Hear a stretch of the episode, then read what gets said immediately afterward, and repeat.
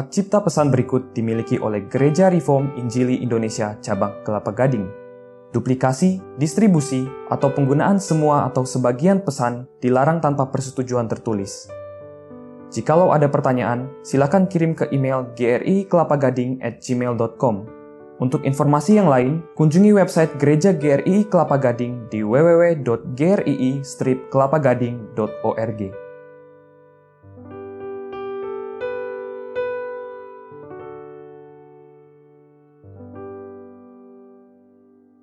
Mari kita membuka firman Tuhan dari Yohanes pasal yang kelima. Kita melanjutkan pembahasan dari Yohanes pasal yang kelima. Kita sudah membaca sampai dengan atau sudah merenungkan sampai dengan ayat yang ke-31. Hari ini kita melanjutkan dengan tetap mengulangi ayat yang ke-31. Yohanes pasal 5 ayat 31 sampai dengan 40. Saya baca terlebih dahulu, saudara menanggapi.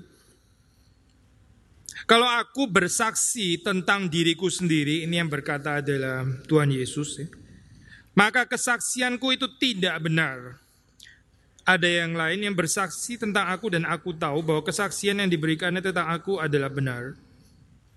Kamu telah mengirim utusan kepada Yohanes dan ia telah bersaksi tentang kebenaran. Tetapi aku tidak memerlukan kesaksian dari manusia, namun aku mengatakan hal ini supaya kamu diselamatkan. Ia adalah pelita yang menyala dan yang bercahaya dan kamu hanya mau menikmati seketika saja cahayanya itu.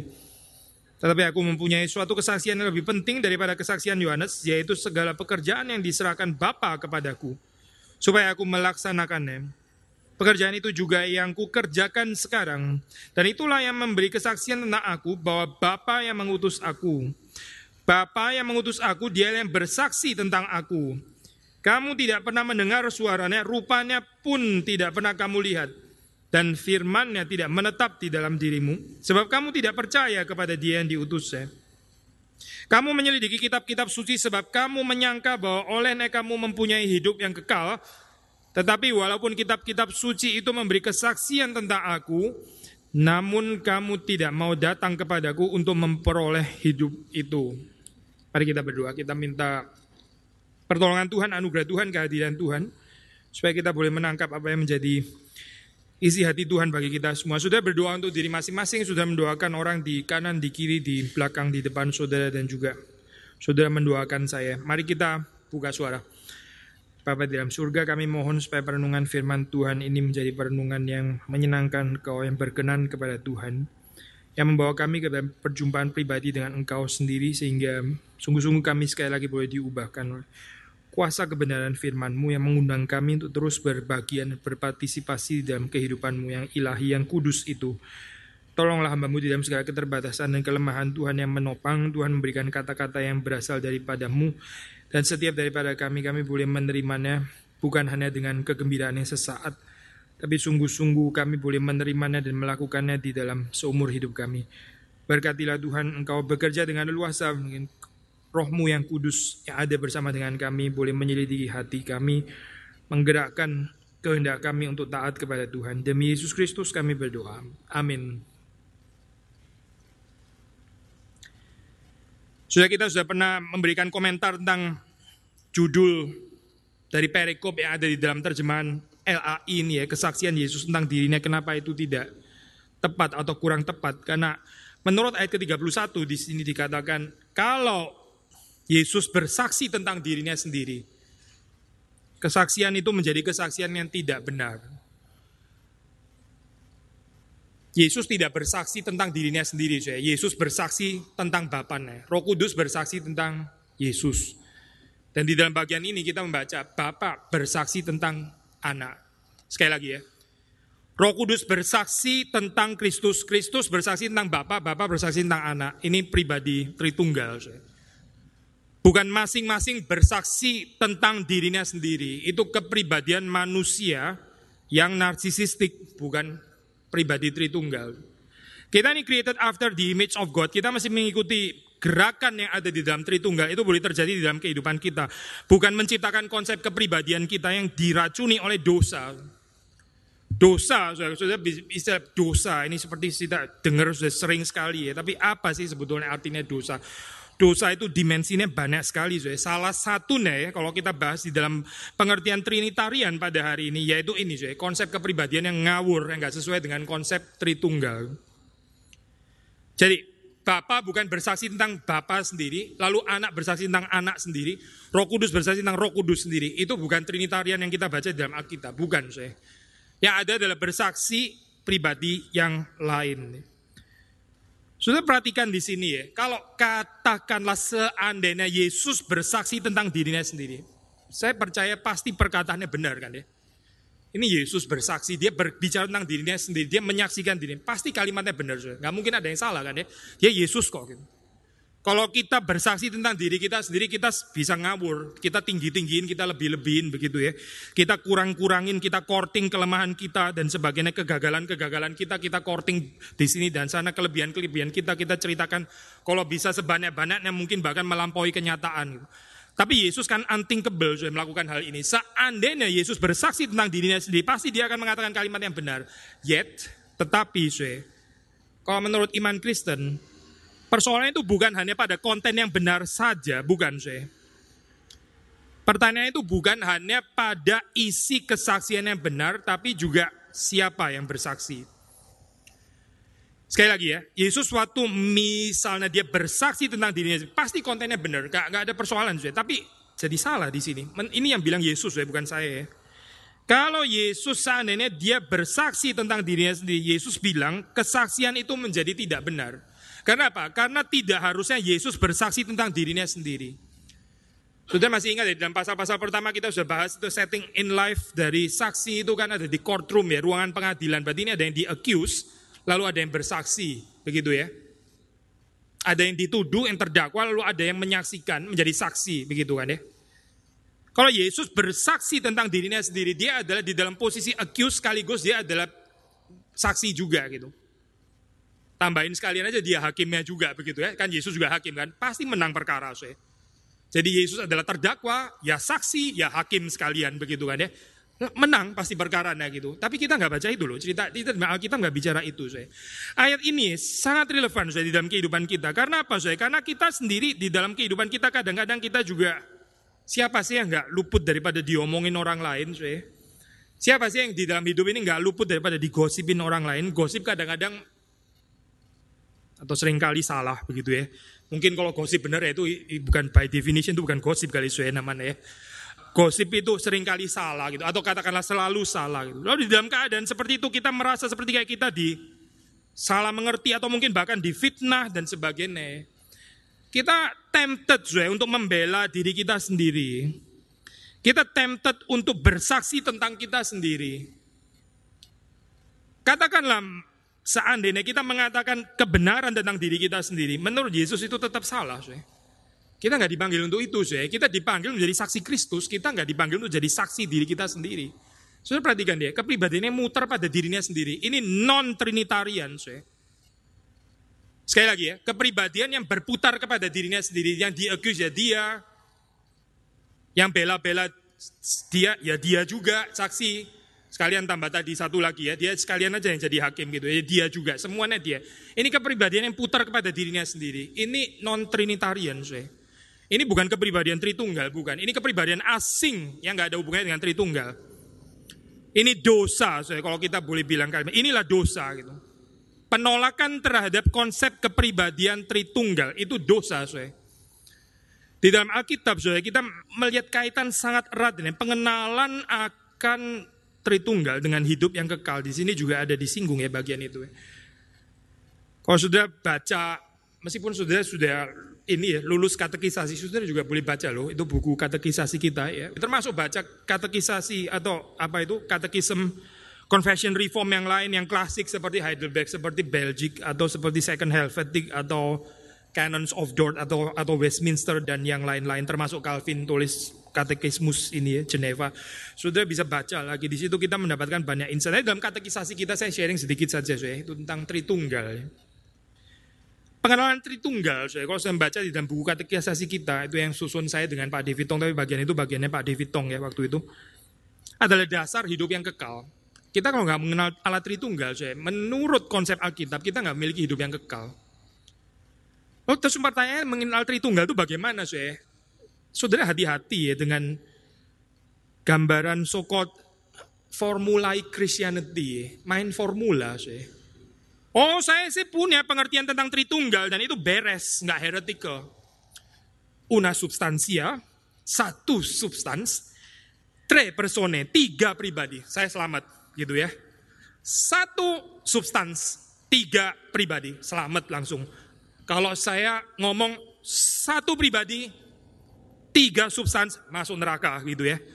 Ini namanya formula Christianity. Nangkep bos ya? Formula Christianity, kekristenan ala formula. Saya bukan sedang melecehkan ini saya, konsili-konsili ekumenikal yang sangat diberkati Tuhan itu tidak gitu. Tapi saudara kalau baca Alkitab, saudara sadar betapa terbatasnya konsili-konsili ekumenikal itu. Gitu ada banyak yang nggak dibahas di dalam konsili ekumenikal. Kita bukan disrespect konsili ekumenikal, tidak. Tapi kalau sudah baca dalam Alkitab jauh, jauh, jauh, jauh lebih dalam, lebih luas, lebih kaya, ada hal-hal yang nggak bisa ditampung oleh konsili-konsili ekumenikal yang agung itu. Termasuk juga nggak bisa ditampung oleh katekismus-katekismus reform yang agung itu. Nggak bisa ditampung saya kekayaan Alkitab itu. Karena terlalu limpah. Gambar ini saya lagi ya. Apa artinya itu? Tritunggal, kalau itu menjadi dasar kehidupan yang kekal, maka saya harusnya menghidupi hubungan seperti yang terjadi dalam kehidupan Tritunggal di dalam kehidupan saya. Kalau saya menolak saya menghidupi konsep menyaksikan pribadi yang lain, sebetulnya kita boleh tanya, ini apa bukan penolakan Tritunggal saya sebetulnya. Terus kita, oh enggak, saya tetap bilang una substansia tre. Tapi kita nggak menghidupi gerakan yang ada di dalam Tritunggal. Kita even mungkin nggak tertarik kali. Kita di dalam kehidupan kita mungkin lebih suka membela diri kita sendiri. Kita bersaksi tentang diri kita sendiri. Ini loh, pribadi yang putar kepada diri kita sendiri. A highly narcissistic personhood yang gak ada hubungannya dengan alat Tritunggal. Lalu kita tetap insist kita masuk sorga karena kita bisa bicara formula yang benar. Satu substans, tiga pribadi. Saya pikir bukan itu kali saya iman kepada Tritunggal gitu. Lalu waktu kita membaca di dalam bagian ini sih, sudah mendapati Yesus sedang mengajar kepada kita bukan cuma mengatakan kalimat yang benar, tapi siapa yang bilang. Kalau saya bicara tentang diri saya sendiri, saya, itu tidak menjadi sesuatu yang benar. Yesus nggak dipanggil untuk menjadi saksi bagi dirinya sendiri. Dia adalah saksi Bapaknya. Maka waktu sudah membaca di dalam ayat ke-32, ada yang lain yang bersaksi tentang aku, yang lain yang bersaksi. Kalau orang bicara tentang kebaikan kita, saya biar orang lain yang bicara kebaikan kita. Jangan kita bicara kebaikan kita sendiri. Jangan, saya itu gak cocok sama konsep Tritunggal. Tapi kita biasanya nggak sabar, saya nggak sabar. Apalagi waktu kita dibicarakan secara keliru gitu, kita kita sangat nggak sabar, saya. Toleransinya Tuhan tuh panjang sekali, panjang sekali. Kita kadang-kadang gemes, greget gitu ya. Kita greget sama Tuhan. Hati-hati loh, saya. Kok Tuhan yang greget sama kita mati kita. Greget kok sama Tuhan gitu. Kita gregetnya bukan cuma sama orang yang memfitnah kita, kita juga greget sama Tuhan in a way. Tapi Tuhan itu berdaulat. Dalam pengertian reform kan kita mengakui Tuhan itu berdaulat. Termasuk juga berdaulat kapan dia menyelesaikan itu. Ya? Menyelesaikan salah mengerti itu. Yesus ya setelah bangkit ya, dia nggak menyelesaikan kesalah mengertian orang Farisi, teman. dia nggak menyelesaikan itu loh saya.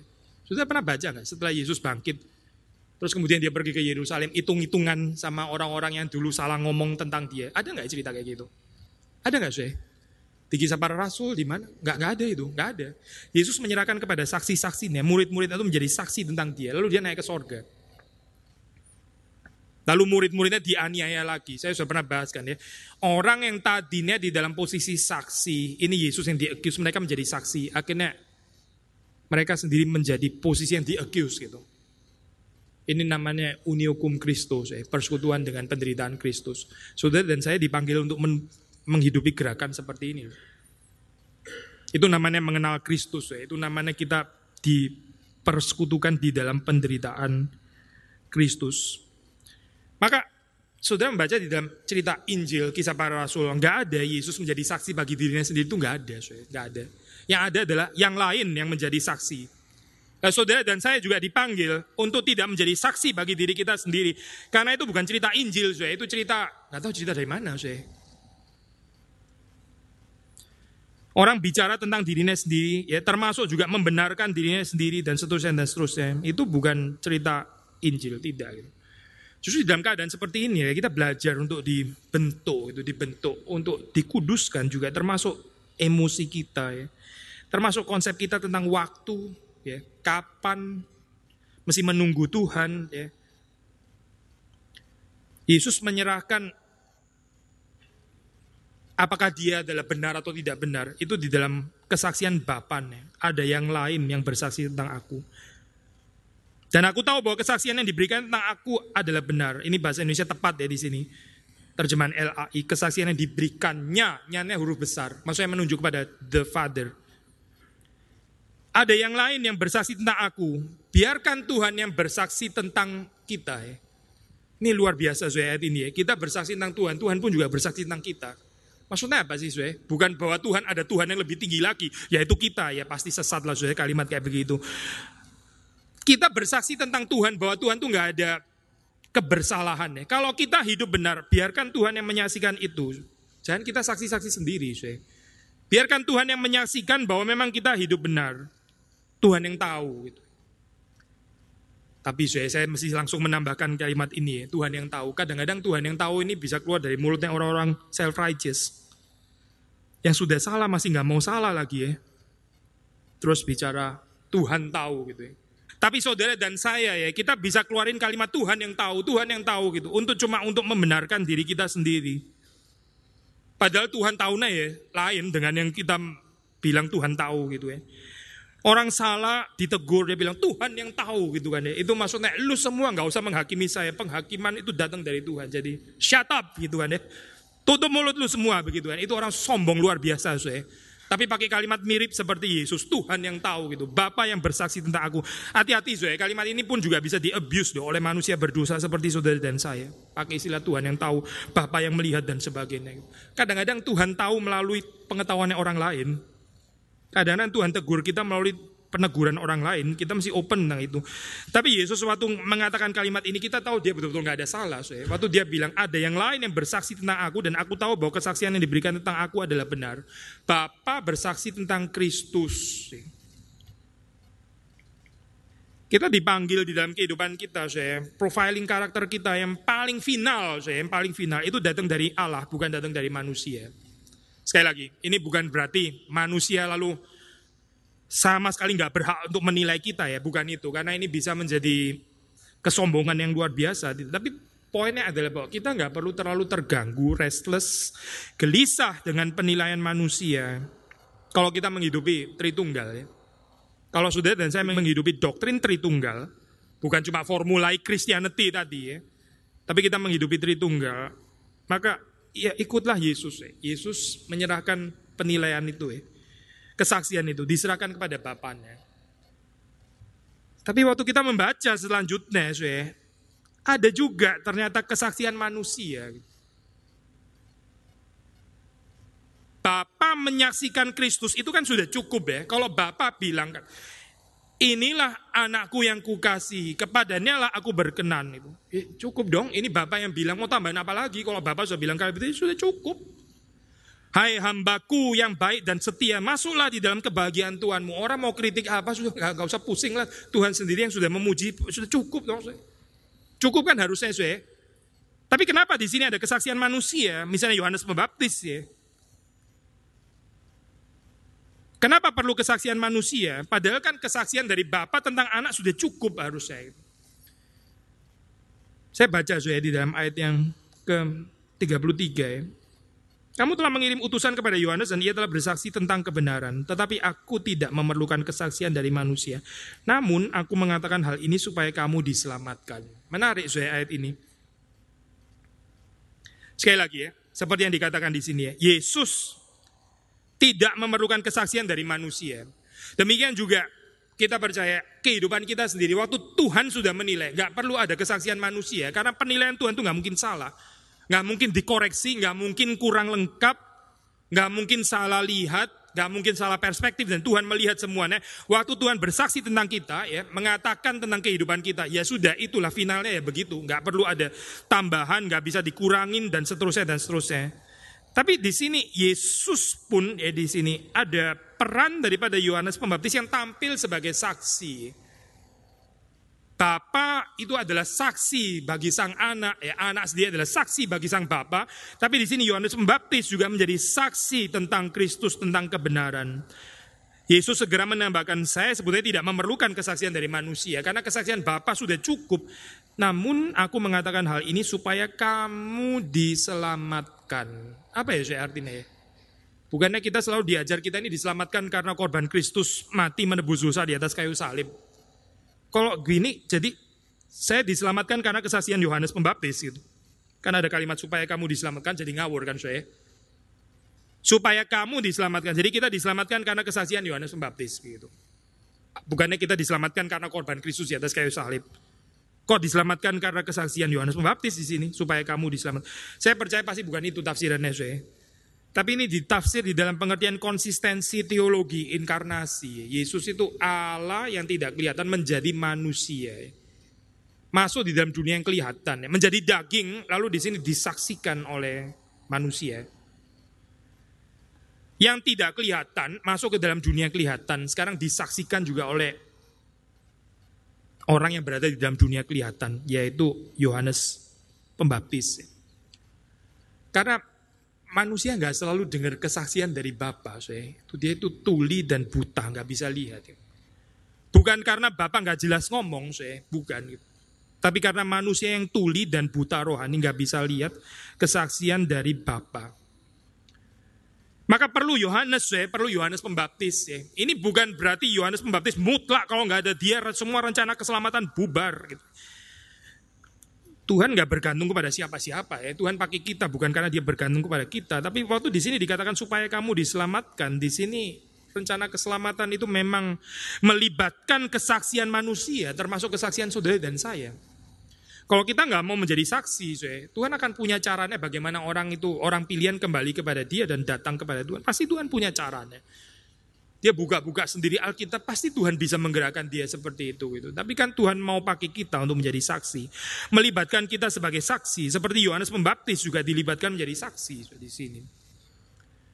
Yang tidak kelihatan masuk dalam dunia kelihatan. Lalu kemudian disaksikan oleh orang-orang yang ada di dalam dunia yang kelihatan juga.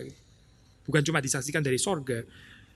Saya sudah pernah bahas ya, ini apa perspektif yang berbeda. Matius, Markus, Lukas kalau sudah baca ya, itu ada perspektif yang waktu Yesus dibaptis. Ada perspektif yang mengatakan ini pembicaraan dari pembicaraan Bapa ya, tidak kepada anak tapi satu pengumuman. Inilah anakku yang kukasih, kepada nyalah aku berkenan. Berarti nggak ngomong kepada anak kan Yesus ya? Ngomong paling sedikit kepada Yohanes Pembaptis, paling sedikit, ya. mungkin murid-muridnya juga. Paling sedikit ada satu yang harus dengar di situ, yaitu Yohanes Pembaptis. Inilah anakku yang kukasih, kepada nyalah aku. Berarti kan Bapak nggak bicara kepada anak kan di sini ya. Kepada nyalah begitu kan. Ya. Ini kan bicara bukan ke Tapi kalau sudah baca di dalam versi yang lain, itu Injil Sinoptik ada perbedaan di sini, perspektif. Yang satu menulis, engkaulah anakku yang kukasih, kepada mulah aku berkenan. Ini pembicaraan langsung saya Engkaulah anakku yang kukasih, kepada mula aku berkenan. Nah, saya kalau pakai perspektif yang ini, saya, perspektif yang terakhir, ini kan pembicaraan bapak kepada anak. Gak harus ada yang dengar di situ, karena pembicaraan ini adalah between the father and the son. Yang tahu ya the son. Lalu terus kemudian bagaimana yang lain bisa dengar suara bapak di situ? Makanya saya ada perspektif yang lain mengatakan ini pembicaraan juga bisa ditafsir di dalam pengertian pengumuman sebetulnya. Bukan pembicaraan kepada anak, tapi pembicaraan merupakan satu proklamasi paling sedikit kepada Yohanes Pembaptis. Tapi sekali lagi ya, kalau kita pakai perspektif yang ini ya, salah satu versi yaitu pembicaraan Bapak kepada Engkaulah anakku yang kukasih, kepada mula aku berkenan. Memang siapa yang bisa dengar suara Bapak kayak begini? Saya? Siapa yang bisa mendengar? Ya cuma Yesus yang mendengar di dalam perspektif ini kan ya. Maka maka itulah saya perlunya kesaksian manusia gitu. Karena kalau cuma kesaksian dari Bapak, ya itu cukup. Cukup sih, Bapak kalau berkata sudah final, nggak perlu ada koreksi. Tetapi supaya kamu diselamatkan, ya supaya kamu itu diselamatkan Allah itu yang tidak kelihatan menjadi daging, supaya kamu bisa lihat secara fisik juga, supaya kamu bisa raba, kamu bisa pegang ya. Lalu ada yang bersaksi dari dunia yang kelihatan juga, supaya kamu diselamatkan. Kesaksian orang-orang yang ada di dalam dunia yang kelihatan. Bukan kesaksian para malaikat, kesaksian ya heavenly beings. para orang-orang kudus yang di sorga itu nggak kelihatan semua sudah mereka gitu. Kalau menurut konsep Alkitab, saya, teologi inkarnatoris, saudara melihat di sini tekanannya pada manusia yang hidup di dunia sini dan sekarang. Yohanes Pembaptis sekarang juga sudah di sorga, saya nggak bersama dengan kita. Gitu. Yang ada ya tulisannya gitu. Yang ada di sini saudara dan saya sekarang yang dipanggil untuk menjadi saksi menggantikan orang-orang seperti Yohanes Pembaptis dan murid-murid yang lain. Sekali lagi saya baca ya. Meskipun Yesus tidak memerlukan kesaksian dari manusia, namun Yesus, ya, namun aku mengatakan hal ini supaya kamu diselamatkan. Calvin pernah mengatakan kalimat kalau kita nggak bisa mendengar pengajaran daripada orang yang kelihatan deh. Kalau kita nggak bisa, saya perlebar sedikit deh, nggak bisa mendengar kesaksian daripada orang yang kelihatan, kita gimana bisa mendapatkan pengajaran daripada Allah yang tidak kelihatan? Kalau kita nggak bisa dididik oleh manusia yang kelihatan, gimana kita mau dididik oleh Tuhan yang tidak kelihatan? Ini mirip ya seperti kayak Yohanes mengatakan kamu nggak mengasihi sesamamu yang kelihatan. Bagaimana kamu mengasihi Allah yang tidak kelihatan? Prinsip yang sebetulnya sama ya. Tapi Calvin terus kemudian menerapkannya di dalam pengajaran, di dalam kepemimpinan. Oh, saya boleh tambahkan di dalam kesaksian juga boleh. Sih. Kalau kita nggak bisa terima kesaksian daripada manusia yang kelihatan, kita mau terima kesaksian dari Tuhan bagaimana? Tuhan memberikan orang-orang ini supaya kita juga diberkati kan. Atau kalau di dalam konteks suami istri, Seorang istri yang gak bisa tunduk, takluk, submit kepada suaminya. Dia gimana mau submit kepada Tuhan?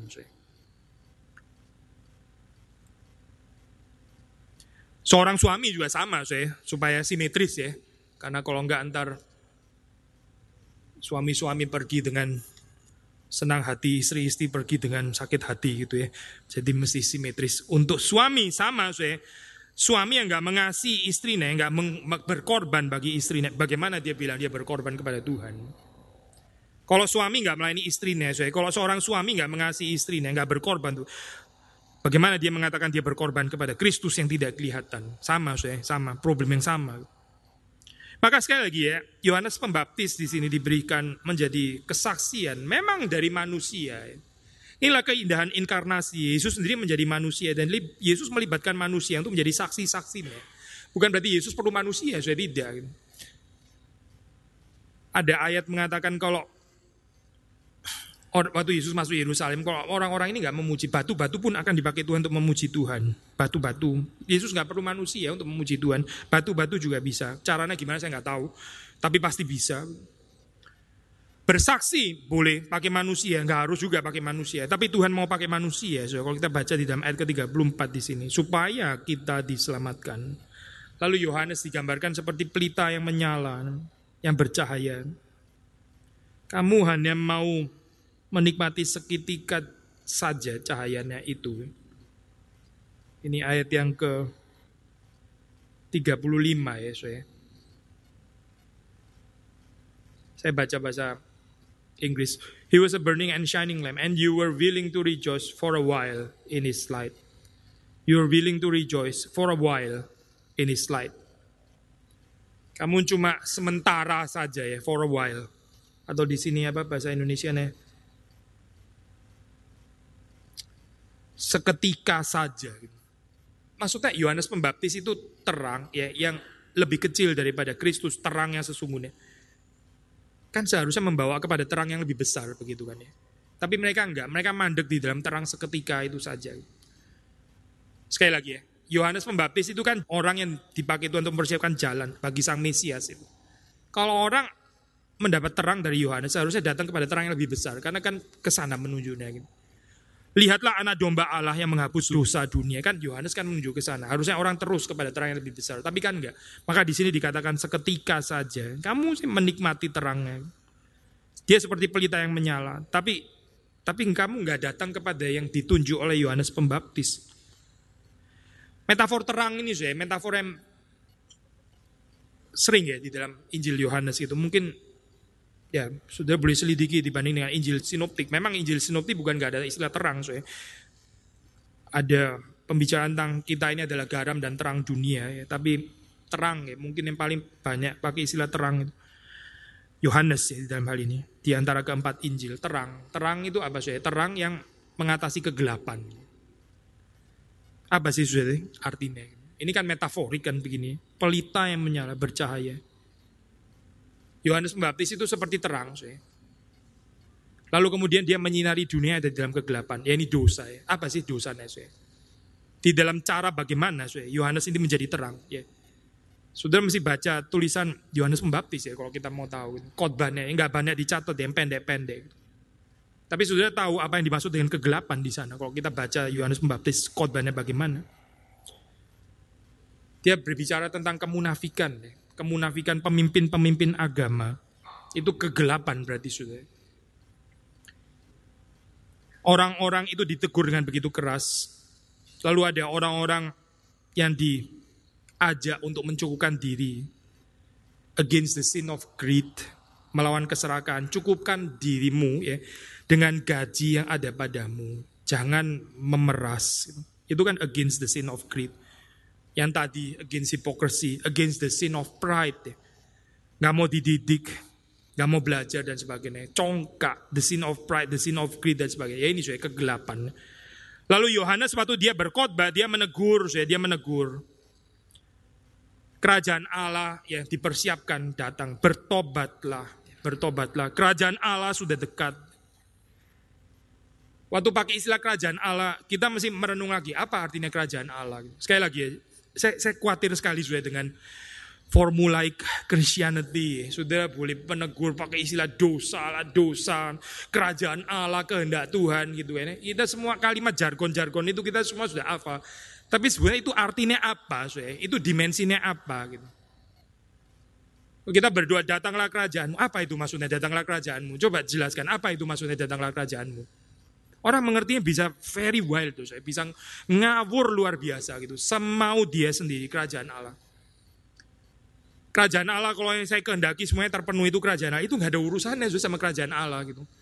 Kerajaan Allah itu berarti Tuhan bekerja dengan mujizat itu juga bukan itu substansinya bukan itu atau apa sih kemegahan kekristenan gitu makin lama makin jadi agama yang mayoritas gitu itu kerajaan Allah apakah itu kerajaan Allah sih apa sih sebenarnya kerajaan Allah? Saya kalau sudah mendengar Yohanes Pembaptis bicara tentang kerajaan Allah itu apa sebetulnya artinya? Kita nggak bisa mengerti kalimat itu karena karena Yohanes Pembaptis ini nggak menjelaskan. Soalnya dia membangun tradisi kerajaan Allah berdasarkan kitab nabi-nabi. Maka kita perlu belajar kitab nabi-nabi untuk mengerti apa yang dibicarakan Yesus dan Yohanes Pembaptis tentang kerajaan Allah itu apa sebetulnya artinya. Gitu. Karena mereka nggak jelaskan, mereka cuma bicara, well, Yesus ada sih menjelaskan di dalam berbagai macam parable ya. Lebih banyak daripada Yohanes Pembaptis. Tapi Yohanes Pembaptis nggak menjelaskan sebenarnya kerajaan Allah itu apa sebetulnya. Sedikit saja deh, kita cuma bisa gambaran picture yang nggak terlalu lengkap gitu ya.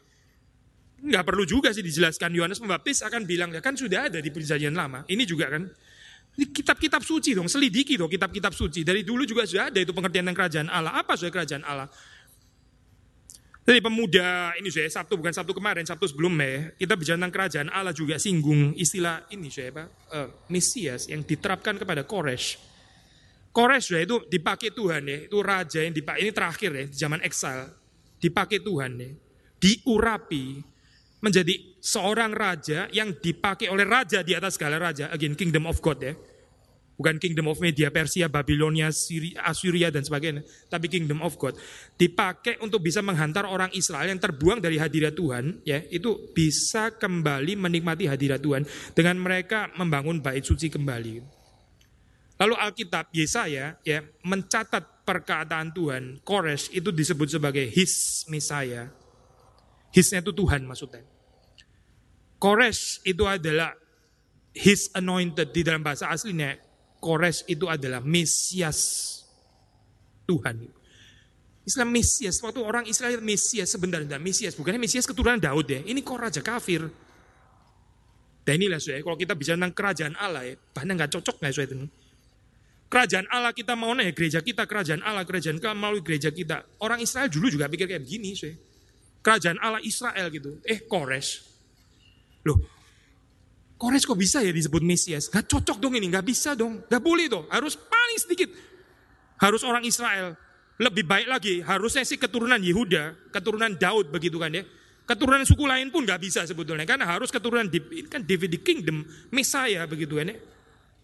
Tapi kenapa kok keluar dari sana? Ini orang gak jelas lagi statusnya bagaimana dia diselamatkan oleh orang reform tanya. Dia orang pilihan atau bukan? Begitu misalnya kan ya. Kenapa boleh terlibat di dalam pekerjaan Tuhan? Kenapa bisa included di dalam kingdom of God? Lalu kita lebih terkejut lagi waktu Yesus bisa tentang parable. Jangankan Kores, iblis yang menabur pun saya itu termasuk bagian dari kingdom of God. Sudah baca kan ya perumpamaan kingdom of God. Ada benih yang ditabur, benih yang baik. Lalu iblis juga menabur benih. Ini pembicaraan kingdom of God tuh. Kingdom of God. Yesus dibilang kerajaan Allah seperti penaburan benih jahat itu termasuk kingdom of God saya. Kalau menurut konsep Yesus Kristus. Kalau menurut konsep kita, saya, semua orang jahat harus dibabat, dibersihkan daripada kingdom of God. Saya tanya, kingdom of God yang mana ini? Menurut konsepnya siapa? Pemahamannya siapa? Saya? Gak cocok dengan gambaran Yesus gitu. Gambaran Yesus kingdom of God itu peperangan. Jadi di dalamnya ada juga pekerjaan iblis. Itu kingdom of God yang Yesus ajarkan kepada kita. Jadi coba balik kepada Alkitab saya. Balik kepada Alkitab. Waktu Yohanes Pembaptis menjadi terang pelita yang menyala, dia menerangi kegelapan ya.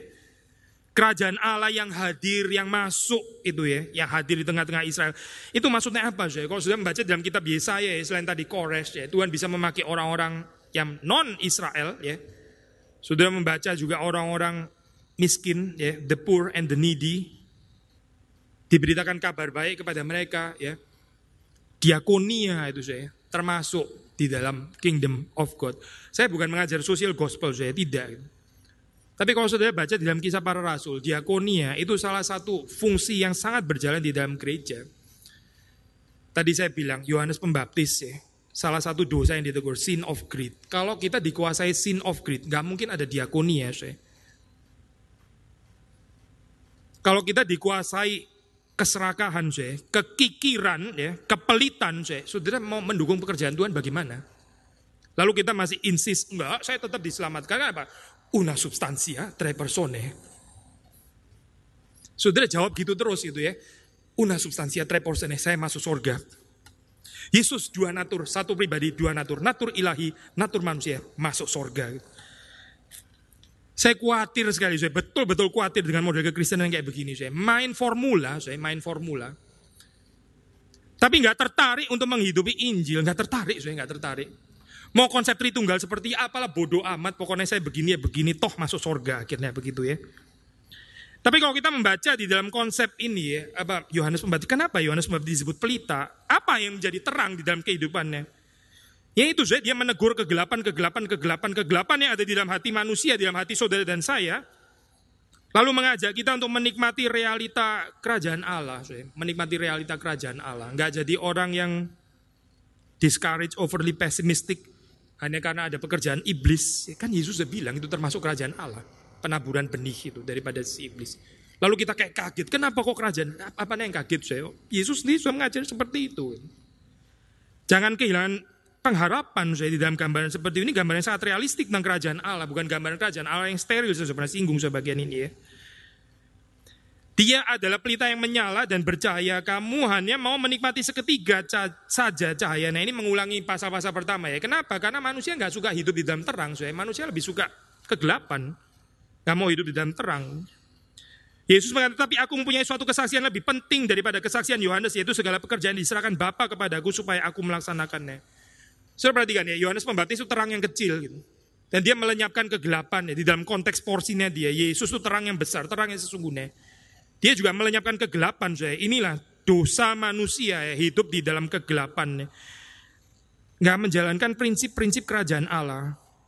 Saya sudah sering singgung saya, kalau kita di dalam kehidupan ini cuma bangun network sama orang-orang yang menurut kita menguntungkan. Ya. Ini kan cara pikir kapitalistik kayak begini ya, invest jangan rugi. Begitu.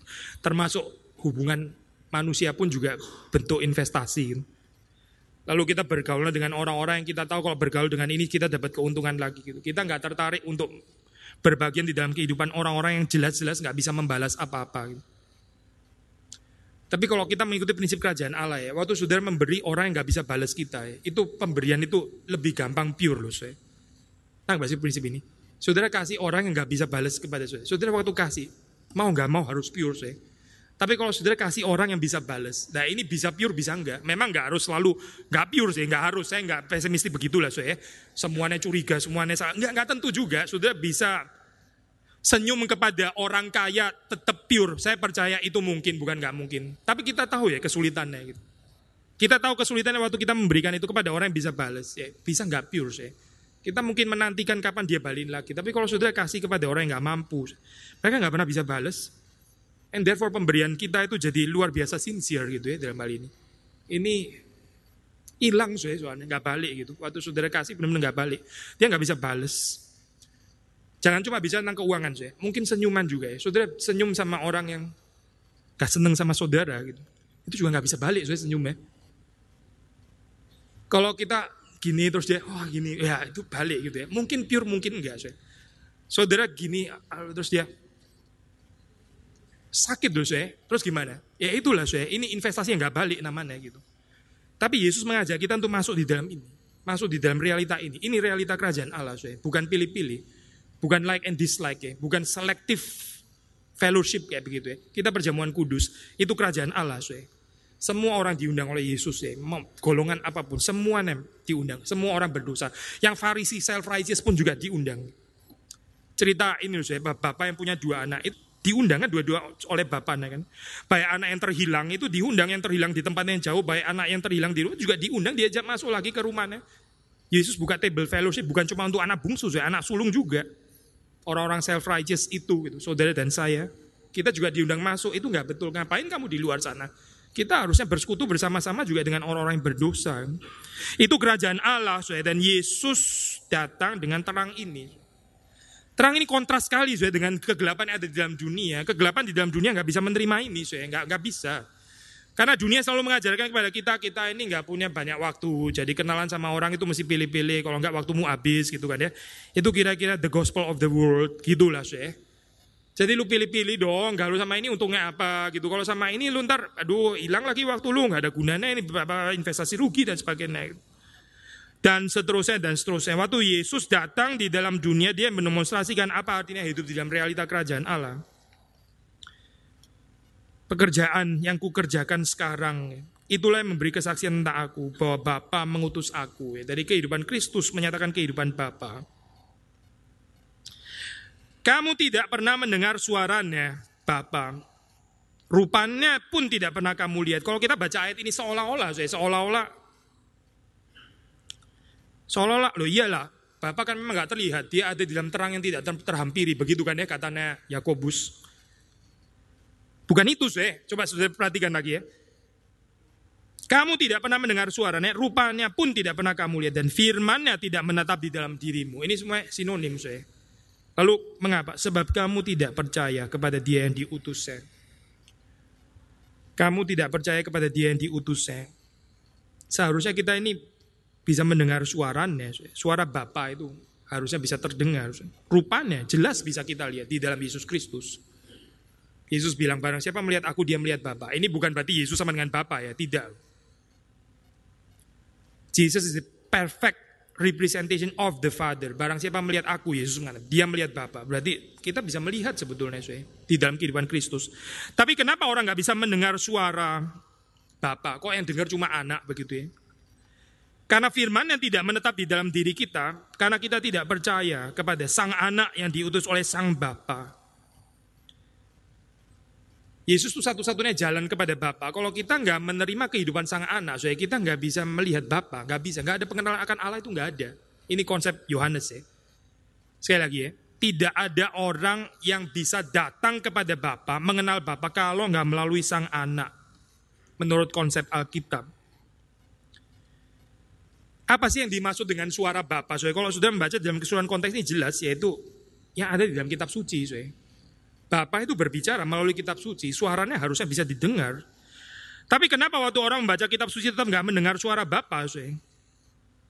Sekali lagi ya, bukan karena Bapa itu tidak terlihat, bukan karena yang ya Bapa itu kan yang bisa akses ke sana cuma sang anak, bukan ya. Kalau menurut ayat ini bukan gitu. Tapi kita nggak bisa mendengar karena karena firman tidak menetap dalam diri kita karena kita tidak percaya kepada sang anak.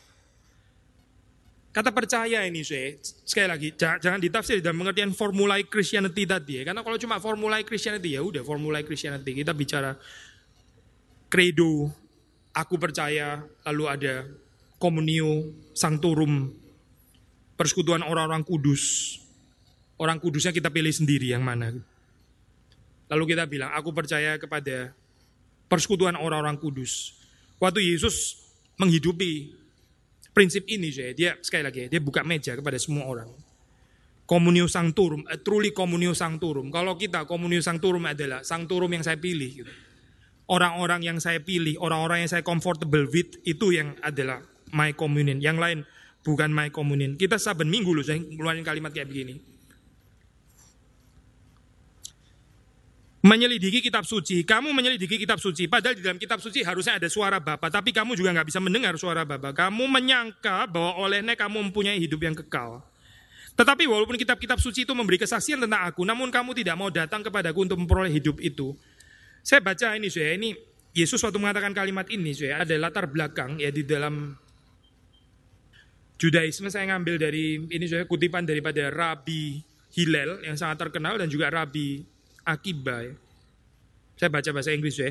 If a man has gained for himself words of the law, he has gained for himself life in the world to come. Jelaskan saya, ada kaitan antara words of the law, perkataan Torah dengan hidup kekal. Rabi Hillel. Ini ya kalimat ini. Satu lagi dari Rabi Akiba. God said the word is not an idle thing for you. Deuteronomi 32 ayat 47. And if it is idle for you. Why is it so? Because you do not know how to search it. Karena kamu nggak tahu bagaimana menyelidikinya.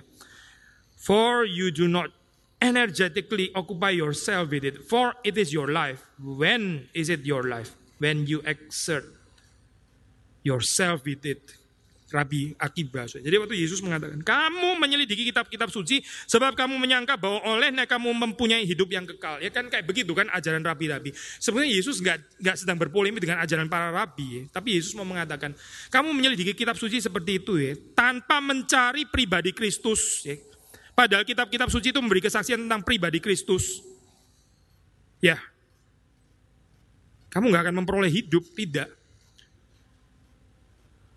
Ini loh saya belajar firman Tuhan ya, belajar teologi dan sebagainya. Kalau kita nggak berjumpa dengan pribadi Kristus, nggak ada hidup saya, nggak ada. Untuk kesekian kalinya ya, kekhawatiran ini ya, sudah mesti doakan.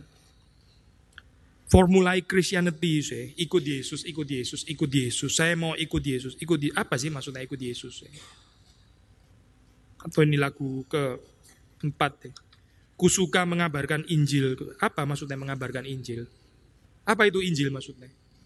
Jangan-jangan saudara mengabarkan Injil model formulai Christianity lagi. Begitu. Tapi kita sendiri nggak tertarik dengan kehidupan pribadi Tritunggal.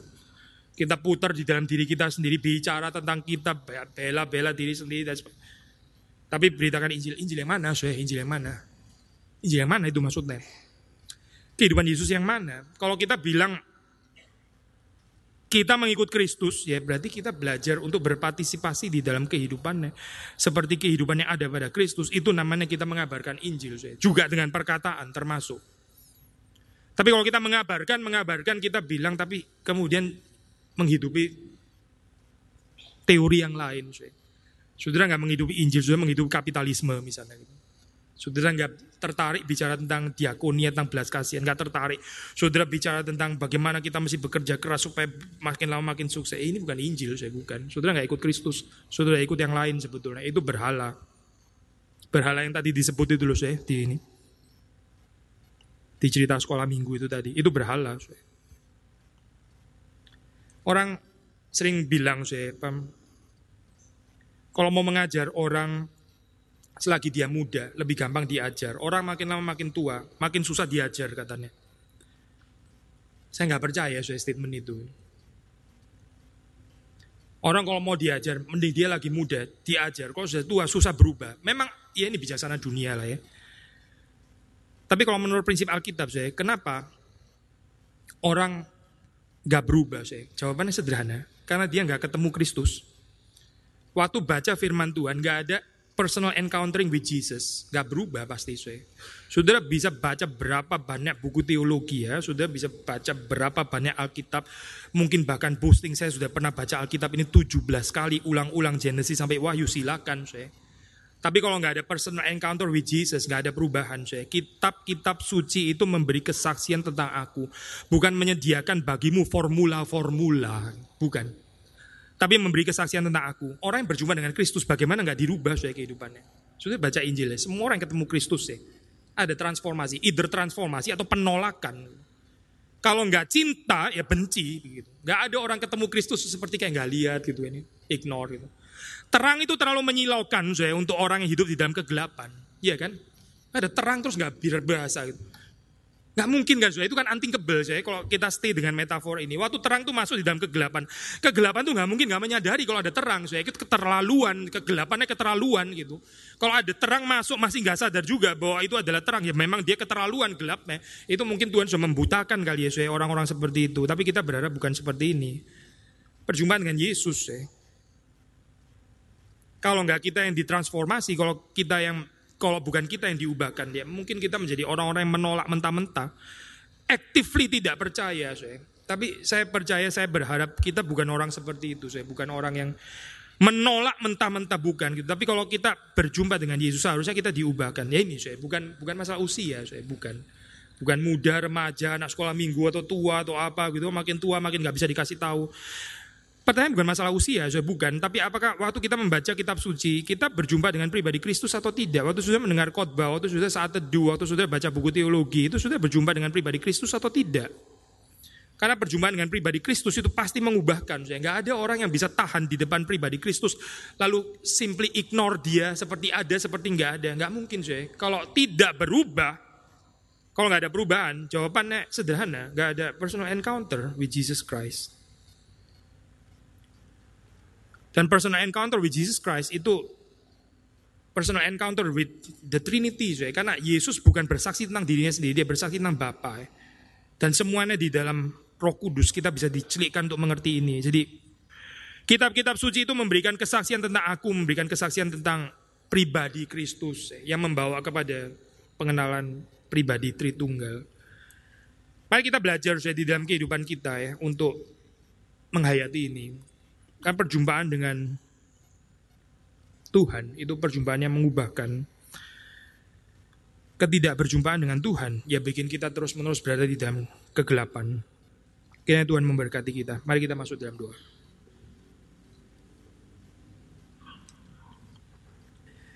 Tuhan kami bersyukur karena Engkau adalah Allah yang hidup yang ketika kami berhadapan dengan Engkau sesungguhnya ada tuntutan untuk kami mengambil keputusan keputusan untuk menerima engkau, untuk hidup di dalam engkau, tinggal di dalam engkau, di dalam firmanmu, atau kami membuang engkau.